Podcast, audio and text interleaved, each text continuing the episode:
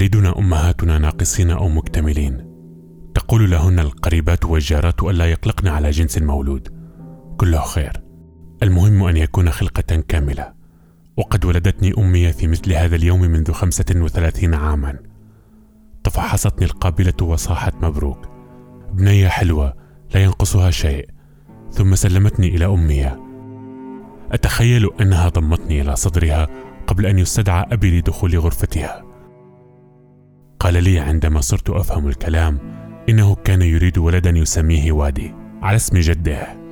ولما جئت أنثى ورأى اخاديد صغيرة محفورة على جبيني الهش لمع في رأسه اسم وديان. حتى أولئك الذين تطرحهم الطبيعة كاملين تتكفل الدنيا أحيانا بأن تبتدع لهم عاهات ما كانت في الحسبان. بينها الظاهر ومنها الخفي المكتوم. لا يشعر به سوى صاحبه. تبتدع. أضحك ساخرة حين أنتبه إلى أنني جمعت العاهة والإبداع في طبق واحد. هذه هي البدع ظل بيتهوفن مبدعا يؤلف السيمفونيات حتى بعدما أصابه الصمم كان يترجم من الذاكرة همسات النسيم وجموح العواصف على البيانو حينما عاد يصله شيء منها.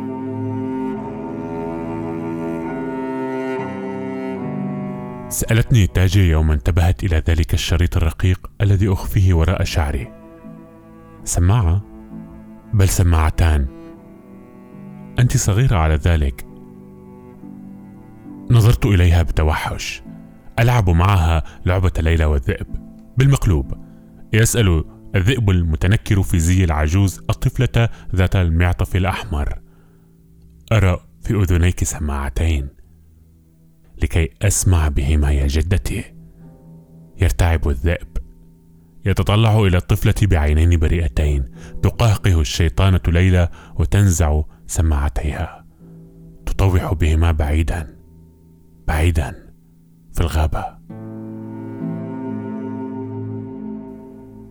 تقترح علي تاجي أن تأخذ لي موعدا مع طبيب متخصص من معارفها. تتأسى على العراقيين الذين سقطت عليهم أطنان من القنابل والصواريخ فجرت طبلات آذانهم. أحكم إسدال شعري على جانبي وجهي. أعتصم بالمزيد من غموضي أشفق عليها من خبثي أطمئنها إلى أن أي مدفع لم يضرب قذيفته قرب رأسي. هو نقص وراثي. تراجع في حساسية عصب الأذن الوسطى. خلل نعاني منه في العائلة. أعيد عليها الدور القصير الذي اعتدت تمثيله.